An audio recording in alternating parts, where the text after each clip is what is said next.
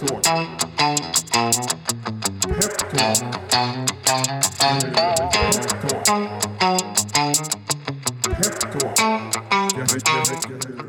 Då säger vi varmt välkomna till ännu ett avsnitt av eh, podden Peptalk, den här podcasten som eh, vi gör med Peppins, eller vi, jag är Peppins och vi gör det tillsammans med Peppins. Strunt samma. Jag heter Filip eh, Scholtze för er som inte har hört mig säga det förut. Och den här podden handlar ju om att inspirera och utbilda kring det som Peppis håller på med, nämligen crowdfunding till stor del och investeringar och handel med onoterade Eh, tillväxtbolag. Eh, och med oss idag har vi ett sånt, ett eh, snart aktuellt eh, bolag på Peppins plattform som eh, man kommer kunna investera i och då vill vi lära känna det här bolaget och eh, för er som har haft lite koll på våra kanaler tidigare har kanske sett det här bolaget på Pepnight live eh, som vi körde eh, före jul. Eh, och har man inga koll så kommer man få det efter avsnittet för nu har vi massa massa tid och då säger jag varmt välkommen Beijing 8s VD Magnus Leiner. Ni hao Filip. Och det betyder hej då. Precis. Ja just det. Och ska jag passa på att säga Xinjin Kuai också, vilket betyder gott nytt år på kinesiska. Ah, Okej, okay. det börjar närma sig sådana tider nu. Det var faktiskt igår. Det var faktiskt igår till och med. Som enligt den kinesiska kalendern så gick vi in i, um, i grisens år. Just efter det. att ha snort ihop hundens år. Så jag tog faktiskt med mig lite lyckokakor här. Ja men jag ser det. Med eh, gris på, för det här är en väldigt väsentlig del utav, utav oss och upplevelsen i restaurangerna. Så här ska du få en liten lyckokaka som du kan öppna sen efter vi är klara här. Tack för en kaka och så eh, får vi se vad det står i den också. Mm. Jag eh, testade faktiskt en sån här igår, idag är det 6 februari när vi spelade in igår, femte då så sågs vi ju eh, på en, en så kallad pepplunch, Mm. eh, en liten investerarträff och då eh, kunde jag testa en sån här kaka. Mm. Men jag fattade inte då att det var nyåret just igår. Aha, okej. Så det var- Jag var inte så tydlig med det då. då. Men Nej, då fick jag men chansen att, att önska dig gott nytt år idag. Just det, härligt. Eh, jag tänker att vi börjar med den här eh, den korta hisspitchen för Being 8. Mm. Vilka är ni?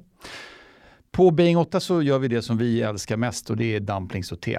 Eh, Vi är hänsynslöst fokuserade på de här små degknytena och så pass mycket att vi, som vi kommer att prata om lite senare, har en egen liten fabrik som är helt och hållet dedikerad för att producera dem. Eh, Och jag skulle vilja påstå idag att vi är Sveriges ledande producent och varumärke för dumplings. Eh, För det är det som matkonceptet både i restaurangerna som vi driver 10 stycken men också i de 300 plus butikerna som vi säljer produkterna i kretsar kring. Det är de här härliga små degknytena i olika smaker och färger. Just det. Och eh, samtidigt som det här berättar väldigt mycket om det ni gör så ställer det ju en massa, massa spännande frågor. Man vill ju bara liksom eh, veta, veta mer och vi ska komma in på det. Men jag tänker att eh, vi vill ju lära känna dig också. Vi vill ju förstå liksom människan bakom det, alltså levererar allt det här. Vem är Magnus då?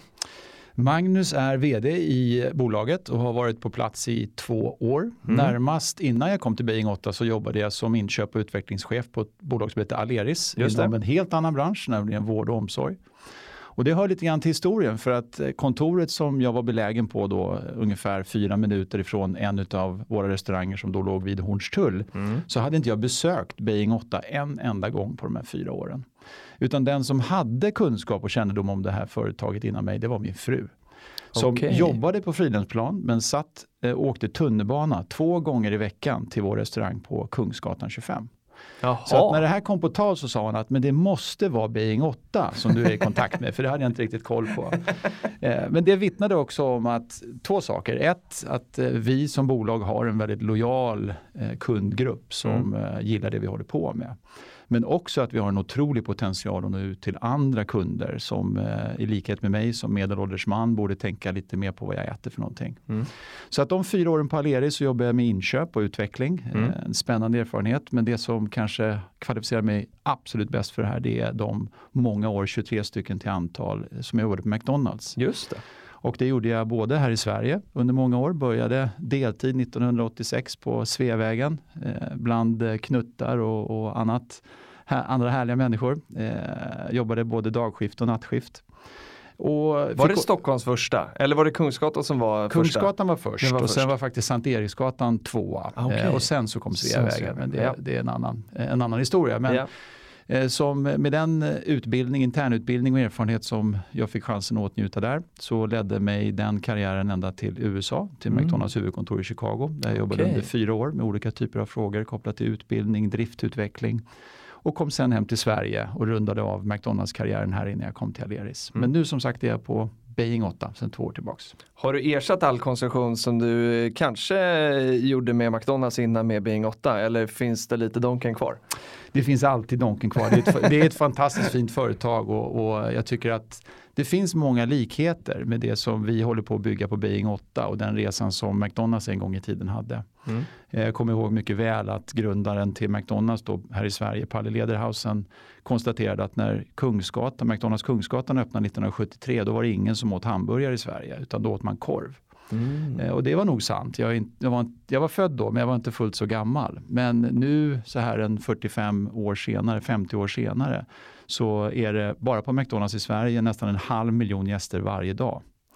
Eh, Så att det handlar om att skapa en efterfrågan på en produkt Eh, och där ser jag att vi på Beijing 8 har eh, kommit en bra bit på vägen med att starta upp eh, en, eh, en ny ja, ny trend kanske är synd att säga, eller till och med fel att säga, men det är åtminstone ett, ett beteende som vi ser hos våra gäster att dumplings är inte någonting som man hittills har haft som en naturlig del av sin måltidsplanering, vare sig för lunch eller för middag hemma. Nej.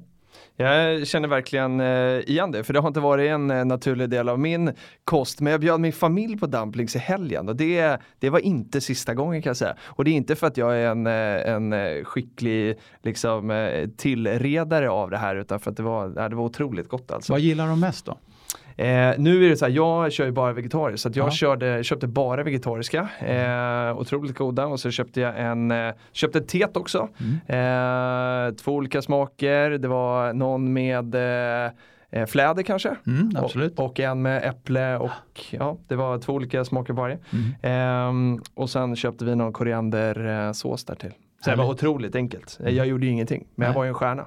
Nästa gång så kommer du också köpa några av de här dressingarna som vi har för att bereda några av sidorätterna som också då med fördel är vegetariska. Om det är broccolin med vitlöksoljan eller kanske potatisen med lite chili och koriander. Ja, där fick jag testa på den här lunchen igår som vi hade, investerarlunchen. Det. var riktigt, riktigt bra alltså. Mm. Men, men eh, du började inleda det här samtalet med att säga att ni gör det som ni brinner allra mest för, te och eh, dumplings. Mm. Eh, och eh, så tänker jag så här, kan vi backa tillbaka liksom när bolaget grundades? Vem var det som kände att så här, det jag brinner för allra mest i livet, det är dumplings och te?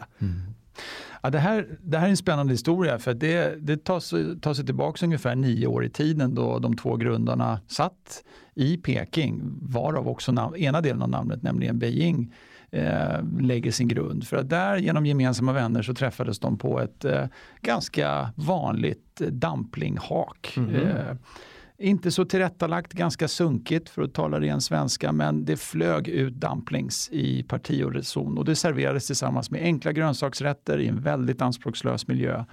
Och de här två herrarna, då, Magnus och Micke, slog sina kloka huvuden och, och, ihop och sa att det här är ju någonting som borde funka då i en mer västerländsk och också urban miljö. Mm. Och med den idén på plats så tog de hem den här eh, och började skissa då på en betarestaurang på Kocksgatan på Södermalm där man skred till verket med att utveckla menyn runt de här degknytena. För det var ju inte bara att servera dumplings utan det fanns också en hel del andra sidorätter som fortfarande hänger kvar på menyn som också blev en del av upplevelsen. Så att det var där det tog sin början. Så att eh, Beijing som en del av namnet har ju sin, ur, sitt ursprung därifrån. Åttan är en annan historia för att åttan då i framförallt kinesisk eh, syn är ju förknippat med lycka och framgång och, och välmående. Och därför så blev det också en naturlig del av företagsnamnet Beijing 8 och jag brukar nämna det exemplet att det är ingen slump att OS i Peking 2008 invigdes den 8 augusti 8 minuter över 8. Eh, den betydelsen har det. Och det är också en rolig del att, att när bolaget skulle registreras så fick vi också viss reservation just från olympiska kommittén. Ja, var det så? Då eh, de tyckte att eh, det kan, kunde finnas några, några potentiella eh, infringements där på, på deras varumärke. Men ännu en liten twist på den storyn är att Mm, nu kör. när Beijing 2022 ska gå av stapeln Mm. så är det faktiskt så att eh, myntet har vänt. För nu har vi fått frågan om det är okej om olympiska kommittén använder Peking eh, 2022, vilket vi bifall, eh, Ni tyckte det var Så vi tyckte att det var helt okej att de kunde få använda det. Ja, just det. Ja, men spännande, spännande grej också. Kul när man eh, som så här, aktienörd så tycker man ju, eller jag, jag ska bara tala för mig själv, tycker det är roligt med lite sådana här anekdoter också. Går man med en kompis då kanske på Being 8 och kan liksom nämna det här med namnet, bakgrunden, året och sådär. Det adderar väldigt mycket till upplevelsen då. Sånt där. Ehm, och om vi skulle liksom titta, nu har du varit med i bolaget i, i eh, ett par år eh, i den här nioåriga, eller åtta, så, ja, nio år, 2011. 2011 Just det. startade vi upp eh, Beta-restaurangen på Kocksgatan. Just det.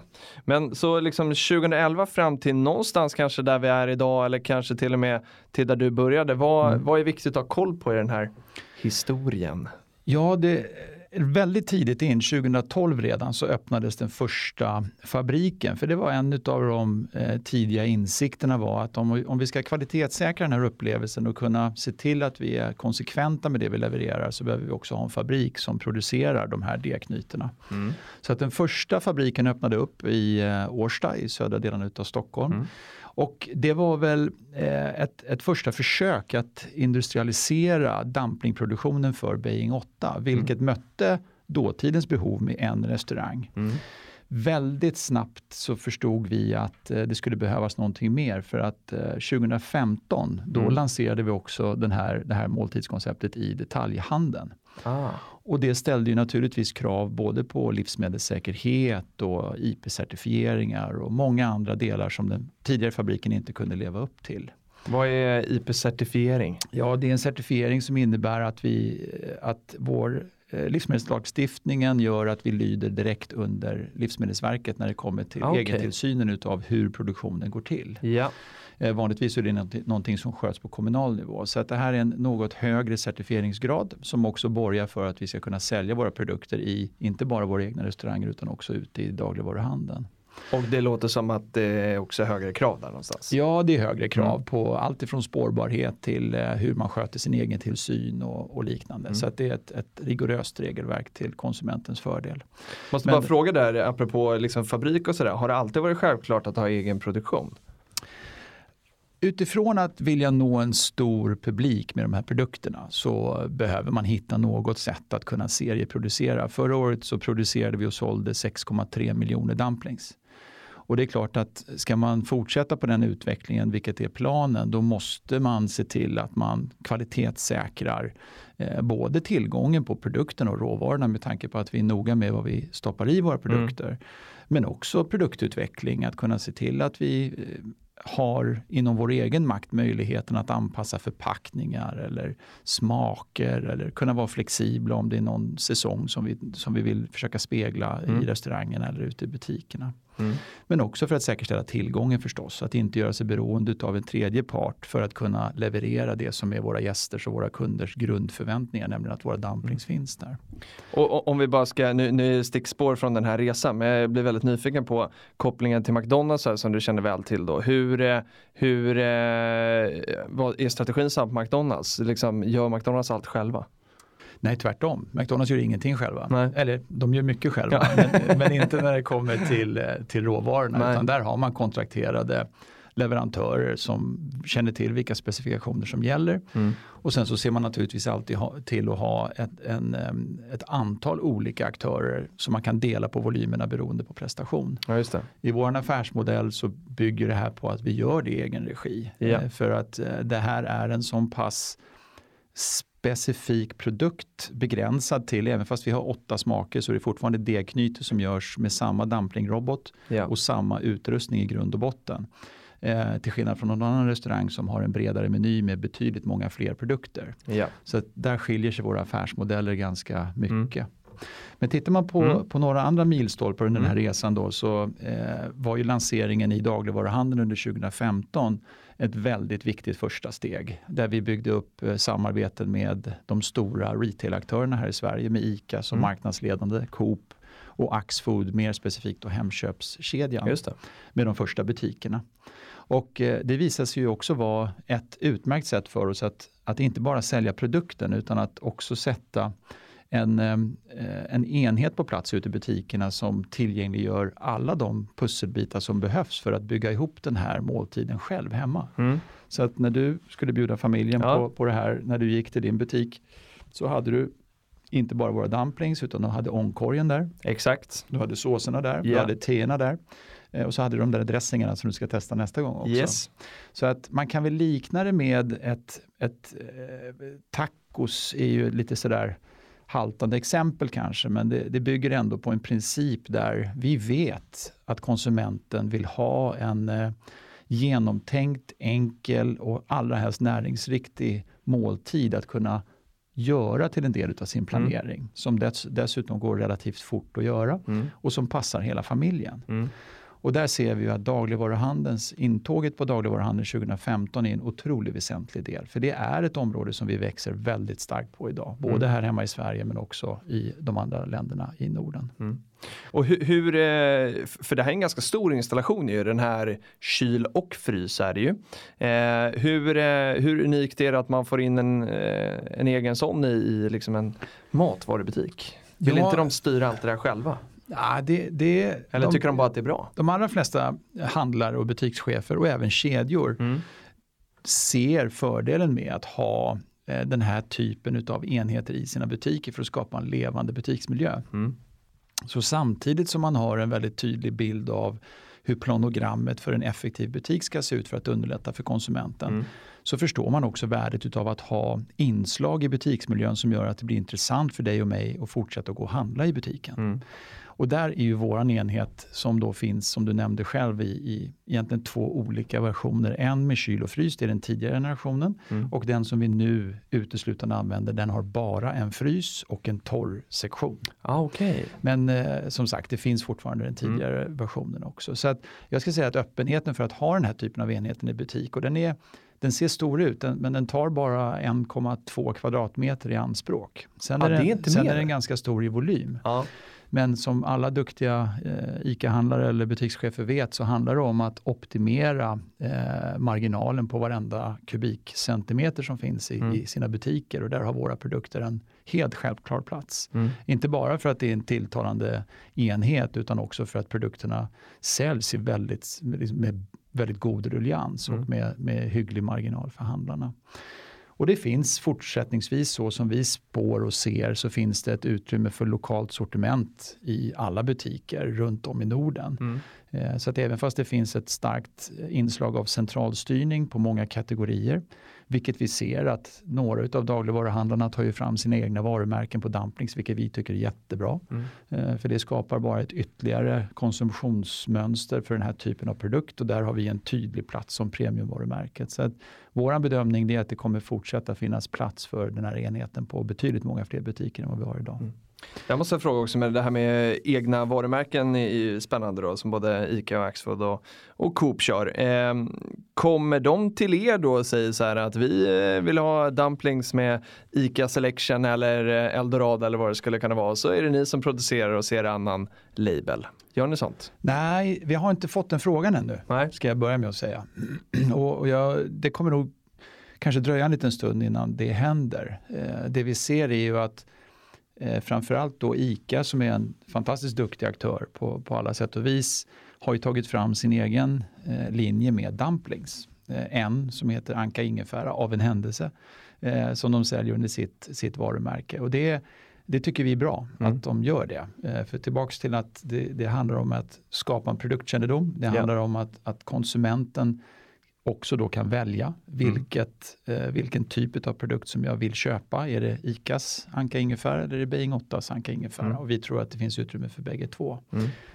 Deras inköpskanaler och deras leverantörskontakter gör att i dagsläget så kan de nog åtnjuta större ekonomiska fördelar med att nyttja sina Mm. inköpskanaler än våra. Ja. Eh, För samtidigt som styrkan i vårt bolag är att vi kontrollerar produktionen och därmed också säkerställer en god bruttomarginal så är det fortfarande så att vi vill ha ett försäljningspris som gör att det finns marginal för oss själva och att det finns marginal för handlaren. Just det. Ska vi dessutom blanda in en central organisation i det, då är det klart att då, då får man dela på den där kakan på något lite fler aktörer, vilket inte är aktuellt just nu i alla fall. Nej.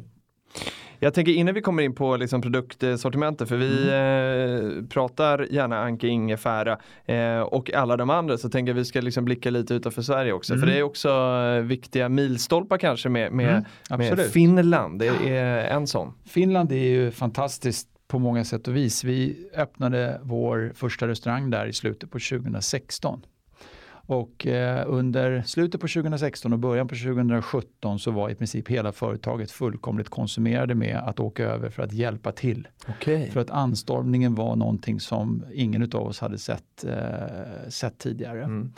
Och den här trenden fortsätter. Vår restaurang i Finland är vår enskilt bästa restaurang. Det är när det så? kommer till antal gäster och försäljning. Okej. Och det här är vi glada över att- att se förstås. Så att när vi gjorde den, det intåget under slutet på 2016 så insåg vi väldigt snabbt att det finns en plats för vårt restaurangkoncept även i andra delar som inte är runt eh, Sofo i Stockholm eller Stureplan utan eh, vi kan dyka upp även i, i, en, i en stad som Helsingfors som för övrigt är Det är ju närmare Beijing. Så att, ja, det kanske är på, därför. På ett sätt, samtidigt som, eh, som eh, jag tror kanske eh, i, i en, dels, en del människors uppfattning så har Helsingfors kanske varit lite svältfödda på konceptualiserad mat. Eh, och där har ju vi haft en, en väldigt naturlig plats där Mm. konceptet har hittat hem. Både i produkterna när det kommer till dumplings och sidorätter men också teer och den informella ätandet på, på kvällen. Så Mm. att 2016 det markerar en viktig milstolpe för oss när vi började eh, i Finland. mm. Ungefär parallellt med det så inledde vi resan till eh, Norge Mm. Eh, genom att inleda ett samarbete med en livsmedelskedja där för att sälja våra produkter i dagligvaruhandeln. Så att man kan säga att Finlandsresan som började 2016 och Norgeresan som, som började 2017 har gått eh, parallellt med varandra men samtidigt omvänt. För att i Finland så startade vi med restaurangverksamheten Mm. som sedermera ledde till att vi introducerades i dagligvaruhandeln under hösten 2018. Medan i Norge där vi påbörjade dagligvaruförsäljningen 2017 där öppnade vi våra första två restauranger under 2018. Ah. Så att de har gått lite sammanflätat men det visar också på att varumärket, produkterna och konceptet kan dyka upp både i skepnaden av en restaurang Mm. men också som försäljning ute i dagligvaruhandeln. Och båda två eh, när ju varandra. Ja, det var det jag tänkte fråga. Är det ett plus ett i tre här? Ser man sånt? I varumärkeskännedomen så är det absolut så. Mm. För att exponeringen för varumärket som vi får via dagligvaruhandeln den är helt ovärderlig. Mm. För att oavsett om du plockar våra produkter i displayen eller inte så ser du vårt varumärke. Faktum är att fler än hälften, 56 procent av konsumenterna i Stockholmsområdet som vi visade vårt varumärke för i en mer eller mindre oberoende undersökning Mm. under förra året sa sig känna igen Beijing 8 som varumärke. Mhm. Så att när de, blev, när de visades bilden med vårt varumärke Beijing 8 och de kinesiska tecknen för, för det så sa 56 procent att det här känner jag igen. Okej. Eh, och det är naturligtvis ett tecken på att närvaron i dagligvaruhandeln skapar en varumärkeskännedom. Ja. Sen är det inte en kristallklar koppling. Vi ser att konsumenten i restaurang och kunderna i, i dagligvaruhandeln skiljer sig något. Då den viktigaste målgruppen för oss i restaurangverksamheten är kvinnor mellan 25 och 35 Mhm. som oftast kommer och äter hos oss i samband med eh, att man eh, arbetar. Det kan vara under lunchen eller på Mm. väg hem att man plockar med sig någonting. Medan i dagligvaruhandeln så är det personen i hushållet som vanligtvis sköter eh, livsmedelsinköpen Mm. eh, och inte nödvändigtvis den tydliga målgruppen som vi har i, i restaurangerna. Nej. Och, eh, nej men, och, och det jag funderar på är här, eh, för man blir jättenyfiken på de olika produkterna och någonstans här, eh, vilk, ja, vi, vi kan börja med så här, vilken produkt går bäst? Det är lustigt att i dagligvaruhandeln så är det så att alla våra fyra dumplings som vi säljer, för att det är så att i restaurangen så har vi åtta olika varianter Mm. och i dagligvaruhandeln så har vi fyra Just olika det. varianter. Ja. Och eh, av de här fyra olika i dagligvaruhandeln då som är biff chili koriander, Mm. kyckling jordnöt, vegetarisk och anka Ja. ingefära så säljer vi ungefär 25 procent. Eh, Ja, det är så jämnt? Ja. Okej. Så att det är skrämmande jämnt. Sen om det Mm. beror på att förpackningarna ser likadana Mm. ut och att eh, man fyller upp de här ungefär lika mycket. Ja. Det får vi ta reda på lite mer om. Men faktum är att de säljer ungefär lika mycket. Mm. I restaurangerna där finns det en tonvikt på, på vegetariskt. Mm. Eh, men det här är också väldigt geografiskt. Eh, för att det är så att i vissa upptagningsområden så har vi en demografi som av olika skäl väljer att ha en större andel vegetarisk kost. Och med tanke på att i restaurangerna så har vi två vegetariska dumplings gör också att andelen vegetariska dumplings är väldigt stor. Ah, det är klart. Eh, och då många av sidorätterna som vi serverar också är vegetariska eller också veganska Mm. så blir det en naturlig del att för den som väljer en vegetarisk kosthållning helt och hållet eller som en del av sin, eh, sin, ja, sin diet om man så säger så finns det ett, bra utbud hos oss. Mm. Så att de vegetariska sammantaget är den enskilt bäst säljande produkten. Sen är min egen personliga favorit kyckling och jordnöt Okej. eh, i det ordinarie sortimentet. Sen Mm. har vi faktiskt en idag som jag åt till lunchen som heter kyckling och thai basilika. För att vi har ju också då ett inslag utav ehm, tillfälliga produkter eller kampanjprodukter och just nu så har vi en då som är smaksatt med, med thai basilika som jag tycker är fantastiskt god. Mm. Men när man kommer till restaurangen då, eh, för i, när jag skulle köpa i butiken, ja, men då eh, var det liksom tio pack med, med de här olika smakerna. Det var alltså inte blandat, men det kan man ju blanda ganska enkelt själv. Hur, hur ser menyn ut när man kommer in i restaurangen? Är det, eh, ska man liksom köpa en rätt om tio där du får liksom två, tre varje eller hur, eh, hur, hur brukar man välja? Det vanligaste sättet att beställa under lunchtid är ju någon av våra lunchboxar. Så då Ja. väljer man 9 eller 12 stycken och så antingen så väljer man själv att komponera eller så låter man kocken välja kockens Okej. val. Mm. Så att det absolut vanligaste beställningen är kockens val. Ja, det är det. Ja, så är det. Eh, och då lämnar man det lite grann upp till våra duktiga medarbetare Mm. att eh, komponera ihop en mix av de dumplings som vi för dagen har valt. Mm. På de timmarna efter lunchen så har vi ju några fasta menyer som vi har komponerat för att det ska vara enkelt för Mm. gästen. Eller de grupperna som kommer och äter. Så vi har en stor meny som heter Da, en mellan som heter Zong och sen som heter Chow som är en lite mindre för, en, för den gästen som kommer själv. Mm. Men vad vi vill göra här det är ju naturligtvis att sälja dumplings men vi vill ju också se till att introducera våra gäster till hela vår meny. Mm. Eh, Och dumplings är det mest centrala med det vi håller på med. Med våra sidorätter som man ska njuta till som gör att det blir en komplett måltid. Det är en viktig del av upplevelsen också. Så Mm. att alla de här menyerna inkluderar också ett element av att man kan välja sidorätterna som gör att man får smaka några av de andra sakerna också. Just det. Men vi vill göra det enkelt för gästen Mm. förstås. Vi vill göra det enkelt. Vi har en produktionsmodell och en, en um, operationell plattform i restaurangerna som är eh, extremt kompakt. Mm. Eh, för de gästerna och lyssnarna som kanske har varit och besökt oss på Kungsgatan nu, inte alla lyssnare här i Stockholm, men Nej. är man här och vill se hur kompakt den är då, då är man varmt välkommen ner till Kungsgatan 25, K25 som Mm. är en food court här i Mm. centrala Stockholm.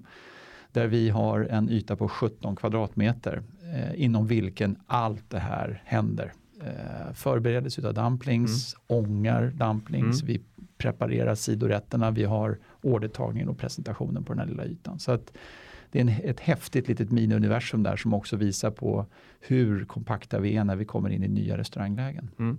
Gå inte att missa heller för den ligger verkligen liksom så här eh, mitt i. Centralt, precis. Eh, men, men jag tänker att det, det har vi missat lite grann och faktiskt prata om, vi pratar Finland, Norge och sådär men om vi, om vi bara tittar i Sverige där de flesta av de här Mm. lyssnarna eh, ändå kommer ifrån, vart, eh, vart annars i Sverige hittar man restaurangerna? Här i Stockholm så är det ju då på Kungsgatan, Mm. eh, Grev Turegatan som ligger en liten bit eh, därifrån. Sundbyberg, en, eh, en, en kranskommun till Stockholm. Eh, jättefin eh, liten småstadskärna. De har ju alltid hävdat med all rätt att de är en stad utanför Stockholm och, och eh, stads, stadsbilden där ute är, är superhäftig och Mm. där har vi hittat rätt sedan februari förra året med en restaurang. Sen har vi en restaurang ute på Arlanda Mm. Eh, i form av en food truck som står på terminal 5, F-piren i non-Schengen-delen. Så de som har varit ute och rest till Mellanöstern någonstans kanske har Ah, ätit okej. där. Ja, ja, ja. Eh, det är vår gamla food truck som gick sönder eh, och den lyfter vi in där i samarbete med Swedavia och den står och puttrar på riktigt, riktigt bra faktiskt. Mm. Men sen så finns vi i Göteborg Mm. också med en, med en restaurang. Vi finns med en restaurang i Helsingfors, Mm. två stycken i Oslo sedan 2018, Mm. en i Helsingborg och sen så har vi faktiskt en restaurang i Paris också. Just det. Varför Paris? Ja, varför inte Paris? ja, men Eh. finns det någon, liksom, finns det någon strategi i det där när man går ut och tittar utanför sin hemmamarknad då någonstans här att, eh, och så landar man i att men Paris, där, eh, där gillar de dumplings. Ja, det gör de faktiskt. Den restaurangen går fantastiskt bra försäljningsmässigt. Men Mm. eh, jag, jag var inne på det lite grann på, på eh, Pep Night. Just vi det. träffades där. Att Mm. Så som alla bolag så går man igenom olika faser där man eh, i mer, större eller mindre utsträckning ser att man vill erövra både världen och, och universum med sin produkt och sin affärsidé. Och som en del av det arbetet eh, ett par år sedan så fattade vi beslut om att öppna restaurang i, i Paris. Mm. Eh, av tillfälligheter så som mycket annat. På samma sätt som vi öppnade en restaurang i Italien. Eh, Just det. Vi hade dessutom en restaurang i Lyon. Eh, när vi ändå är inne på temat att utforska marknaden. Och samtidigt som både konceptet och produkterna har tagits väldigt väl emot där och att vi, vi har en naturlig plats så handlar det också om att, eh, att vara fokuserad på vilka marknader som man ska växa i. Mm. Varvid vi fattade beslutet att, att stänga Lyon, att stänga Florens. Nu har vi kvar restaurangen i Paris. Och eh, den går bra, så pass bra så att vi inte har några uppenbara motiv till att stänga den. Men Okej. samtidigt så påminner den oss om att det kan vara kul att åka till, till Paris och se det där och det är alltid kul att se att man har en restaurang i Paris. Men man ska ha klart för sig att vårt huvudsakliga fokus för expansion de närmsta åren det är här i hemmamarknaden i Norden. Ja. Vi eh, kommer in på det också. Eh, men jag tänkte bara innan vi liksom lämnar eh, produktfloran sådär. Är det, eh, om man går till en restaurang eller om man eh, som jag går till butiken och handlar, är det samma dumplings? Mm, det är samma dumplings.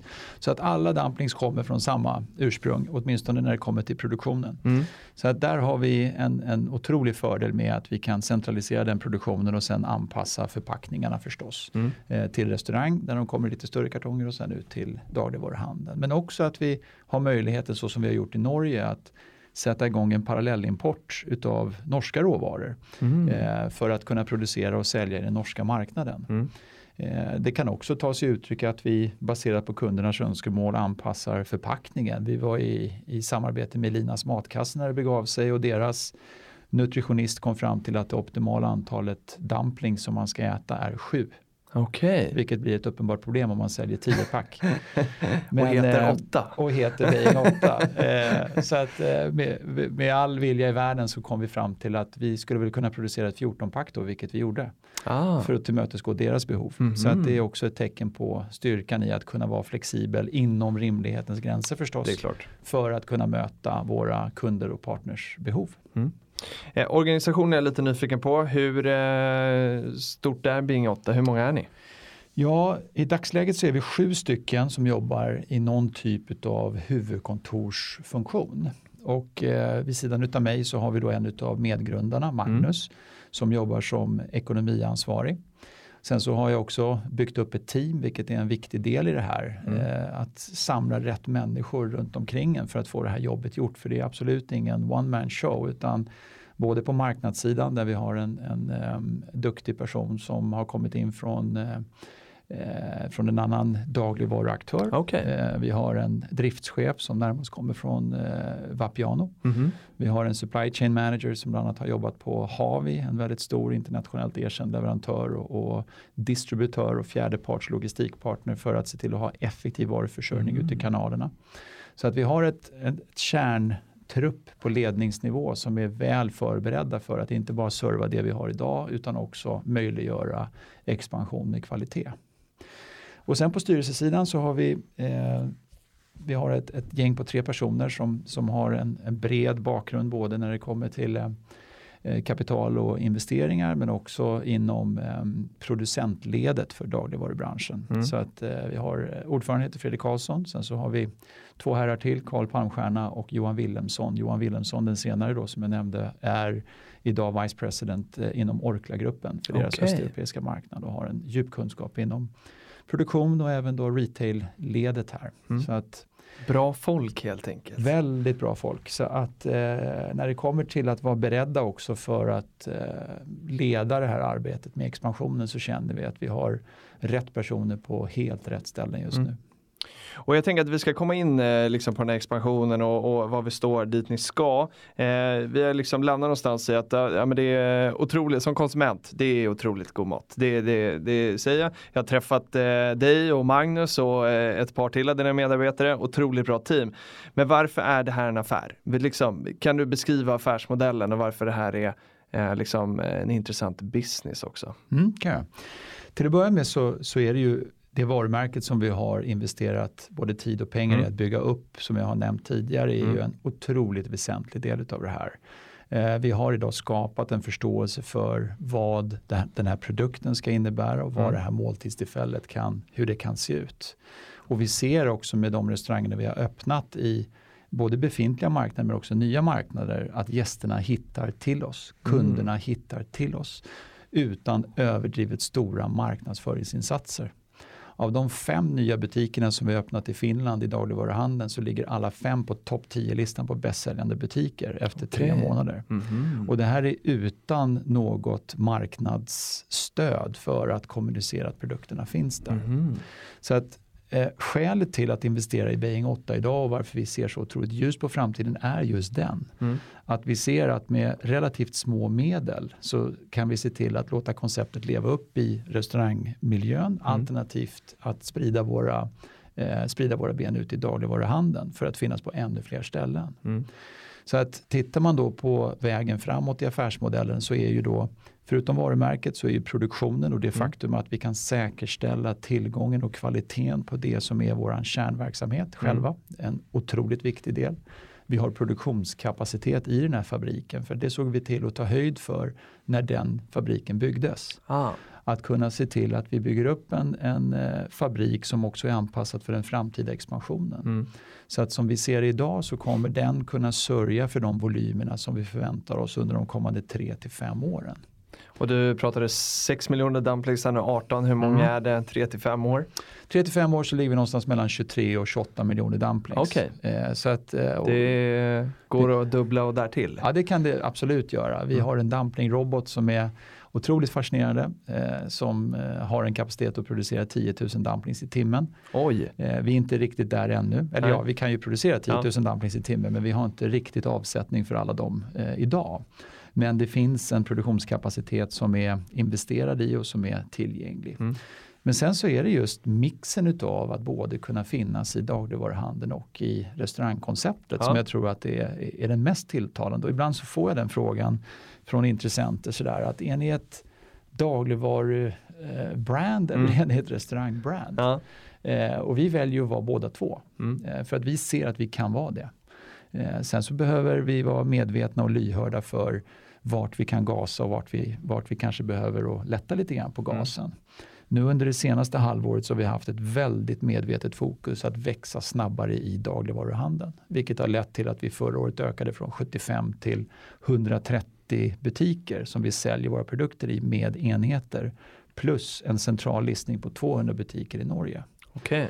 Så Så att det- 300 plus butiker då helt enkelt. Just det, så det gör ju också att vi kan vara, eh, ja, inte nödvändigtvis opportunistiska, men åtminstone flexibla Mm. inom affärsmodellen. Att om det inte finns restauranglägen tillgängliga för oss så kan vi se till att vi gasar lite mer på retail-sidan. Och vice versa om vi ser att det öppnas upp möjligheter för att hamna in i rätt restaurang, eh, restauranglokaler och restauranglägen så kan Mm. vi skrida till verket och öppna upp dem. Eh, Du nämnde lite snabbt eh, bra bruttomarginal och det här är också något man kan läsa i materialet. Mm. Eh, nu är jag lite osäker på om den, den har inte lagts ut idag eh, onsdag 6 men jag tror att det har gjorts eh, det när den här podden kommer ut.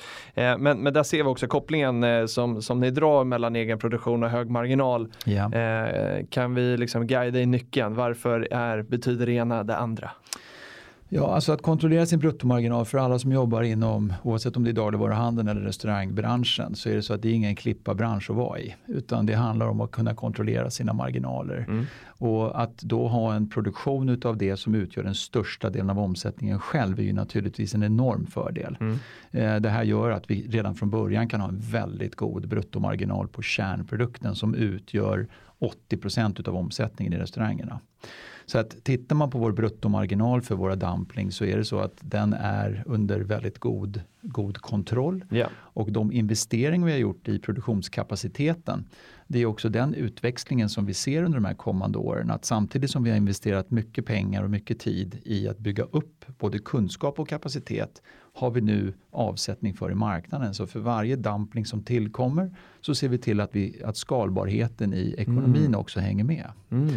Så att råvarukostnader är en sak men sen så Ja. har du ju fasta kostnader för att driva en dumplingfabrik. Just det. Och där ser vi att den behöver inte i princip med några små undantag eh, investeras ytterligare i. Nej. Så det gör ju att bruttomarginalen naturligtvis blir eh, bibehållet högt men Mm. att vi också relativt sett sänker de fasta kostnader som idag är en del av företagets overhead, nämligen de fasta kostnaderna för produktionen. Eh, och eh, nu, vi har pratat mycket både restaurang och dagligvaruhandel sådär. Hur, eh, vilken del av de här två är störst idag? Idag är restaurangdelen störst Mm. uttryckt i både antal dumplings Mm. och i omsättning. Ja. Men vi ser att de här med tiden Och hur stor är man då när man är störst? Idag så ligger 60% ungefär utav omsättningen på restaurangerna och 40 på, eh, på dagligvaruhandeln. Mm. Men vi ser att med tiden så kommer naturligtvis de här proportionerna att variera. Ja. Dagligvaruhandeln kommer att ha en, en eh, större betydelse under det kommande året då vi utökar vårt samarbete i Norge. Eh, Men med varje enskild restaurang som vi öppnar så motsvarar det ungefär 20 till 25 väl fungerande dagligvarubutiker i volym. Mm. Så att det är självfallet så att när vi lyfter på en restaurang så då drar det till ordentligt i, i volymerna. Mm. Eh, och tittar man i reda marginalkronor så har vi ju en, en eh, något starkare marginal i restaurangledet för våra dumplings Mm. än vad vi har i retail-ledet. Mm. Eh, men det, det faller på sin egen naturlighet att det är två olika räknestycken. Ja.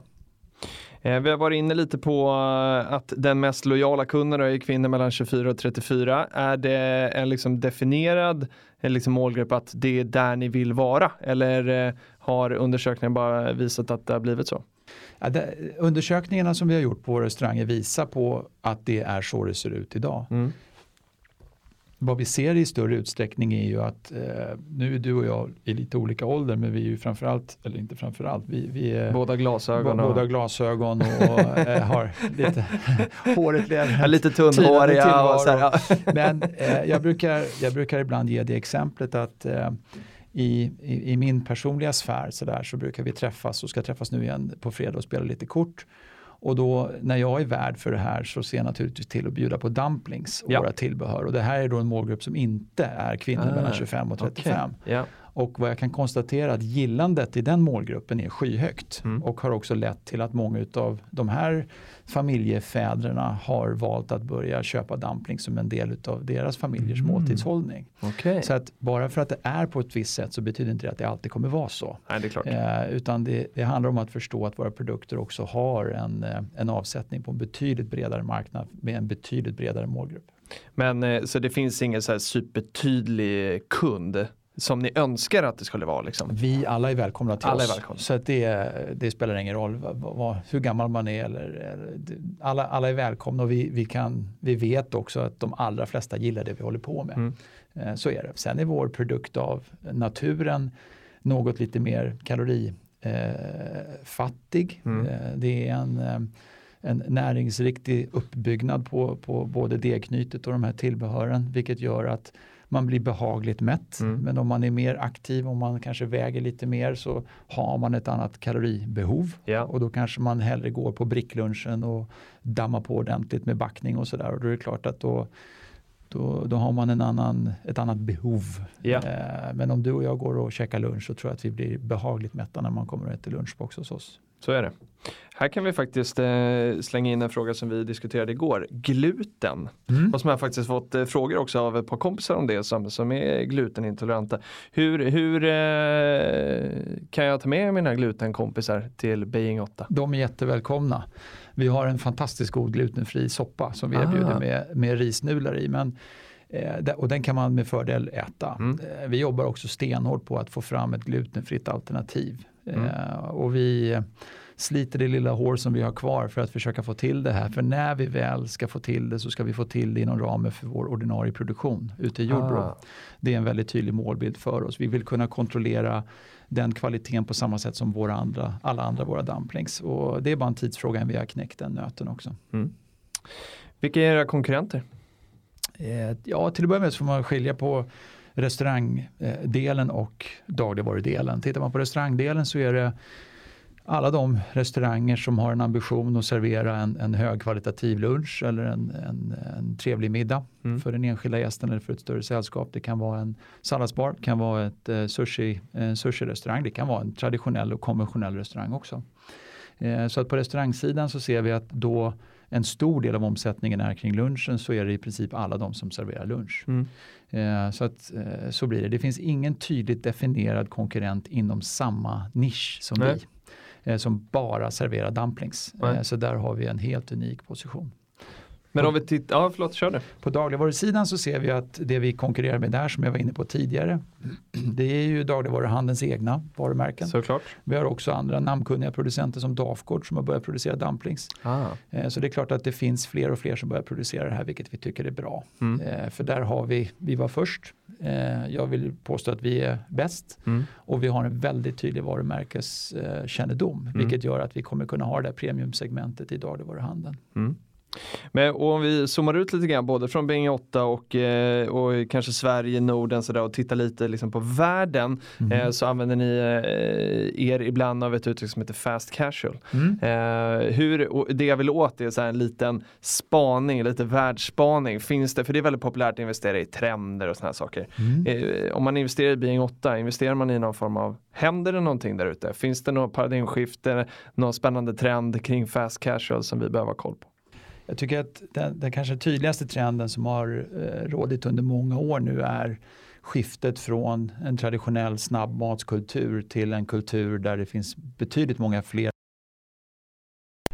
eh, informellt uteätande erbjudande. Mm. Där man sätter ett fokus på eh, en, ett unikt uttryck, en produkt som är präglas av ett, ett lite annat kvalitetstänk serverat med lite mer omtanke och därmed också en liten högre prislapp. Mm. Eh, Men där ser vi också att eh, efterfrågan för den typen av eh, varumärken eller enskilda aktörer är god. Och samtidigt som restaurangbranschen alltid har varit präglat av att det finns ett stort antal misslyckanden så finns det också väldigt många duktiga aktörer där ute. Mm. Både kedjeaktörer och enskilda aktörer som, eh, som tar tillvara på det här. Så Mm. att ser man på tillväxten idag, både här i Europa och globalt, så finns det en en utväxling på informellt utätande som vida överst, överstiger snabbmatsutvecklingen. Ja, Så tillväxten är starkare på informellt utätande än på snabbmat. okej. Vilket är en, en, eh, det betyder inte att snabbmat är på väg ner i Nej, nej. källan. eh, Men, tittar, tittar man på kategorin hamburgare så tycker jag att det är ganska tydligt exempel om man nu väljer att titta lite grann Mm. runt gathörnen så är det inte bara de traditionella stora big brands utan det är väldigt många fler nischade kvalitetsaktörer Mm. som eh, drar nytta av den här och tar fasta på den här trenden. Mm. Och Beijing 8 är en del utav det, inte hamburgerdelen utan dumplingsdelen. Men det informella utätandet med en produkt som är av hög kvalitet som serveras på ett väldigt unikt sätt och som du inte kan få någon annanstans. Jag tänker vi, ska, vi måste nämna några siffror också, även om poddformatet kanske inte är bäst eh, eh, för, för siffror. Men 2018 så, så beräknas det omsätta då eh, 43,8 miljoner. Eh, och eh, ni ska göra en ebit då, alltså vinst före massa skatter och såna här tråkiga, tråkiga saker på minus 7,3 miljoner. 2021 då när vi blickar lite fram så ska ni omsätta 100 miljoner och göra motsvarande då ebit på 14,6 miljoner fast med ett plustecken istället för minus. Hur når ni dit Magnus? Ja, det här hänger väldigt starkt ihop med det som jag nämnde tidigare att de investeringar som har gjorts i strukturkapital fram tills nu, eh, många utav dem ligger nu bakom oss. Eh, den tillväxten som vi nu har att se fram emot är lönsam tillväxt. Mm. Eh, Vi har gjort några av de lärdomarna, både ekonomiskt och, och organisatoriskt, där vi vet vad vi inte ska hålla på med. Eh, Och hur vi ska vara mer framgångsrika att välja rätt restauranglägen, att välja rätt butiker att expandera med och se till att vi flyttar produkterna dit på ett ännu mer kostnadseffektivt sätt. Mm. Så att jag ser att det är en naturlig konsekvens av att alla de åren som vi har byggt upp den här kunskapen och plattformen som vi jobbar ifrån, ifrån idag så betyder det också att de pengarna som vi nu lyckas växa med i, Mm. på topline för det handlar om en omsättning som är två gånger den vi har idag Ja. men en lönsamhet som är, som är en helt annan multipel. Mm. Eh, men där ser vi också att med de framgångarna vi har rönt under 2018 så känner vi oss starka med att vi är på rätt spår där med att veta hur vi bäst nyttjar det kapital som vi nu ämnar att ta in. Mm. Och ni eh, ämnar ju då ta in mellan 10 och 15 miljoner här eh, genom, eh, genom Peppins. Eh, finns det liksom någonting mer specifikt som du känner så här, det här kommer jag göra direkt som pengarna sitter på kontot? Vad är det första du springer och köper till Bing 8? Som sagt, de, de största investeringarna när det kommer till strukturen är gjord. Så Mm. det här handlar om att se till att vi bemannar säljkanalerna på ett bättre sätt. Ja. Eh, fortsätter att investera i restaurangverksamheten, eh, befintliga men också nya restauranger. Mm. Se till att investera i, ett, eh, uppbyggnaden av ett ännu mer sökande efter nya restauranglägen. Mm. Eh, att vi ser till att investera för som sagt de här enheterna som vi placerar ut i butikerna, de äger vi. Vilket gör att det är också relaterat till en, eh, en, en viss eh, capex som ska, som ska allokeras till det. Mm. Eh, Men det finns inga uppenbara utgiftsposter som behöver tas Nej. i det här. Men däremot så har vi en affärsplan som bygger på en mer aggressiv tillväxt än vad vi har åtnjutit hittills. Mm. Och då ökade vi ändå med tre restauranger under 2018 och, och vi ökade antalet butiker från, från 75 till 130. Men för att kunna fortsätta den här tillväxttakten så behöver vi det kapitalet. Men inget, inget eh, punktinköp utan investeringar i restaurangverksamheten, nya restauranger, eh, några mindre justeringar i produktionen, en liten ångtunnel som Ja, det behövs. var faktiskt det jag sökte efter. Ja, det var jag ångtunneln jag tycker den är så rolig. ja.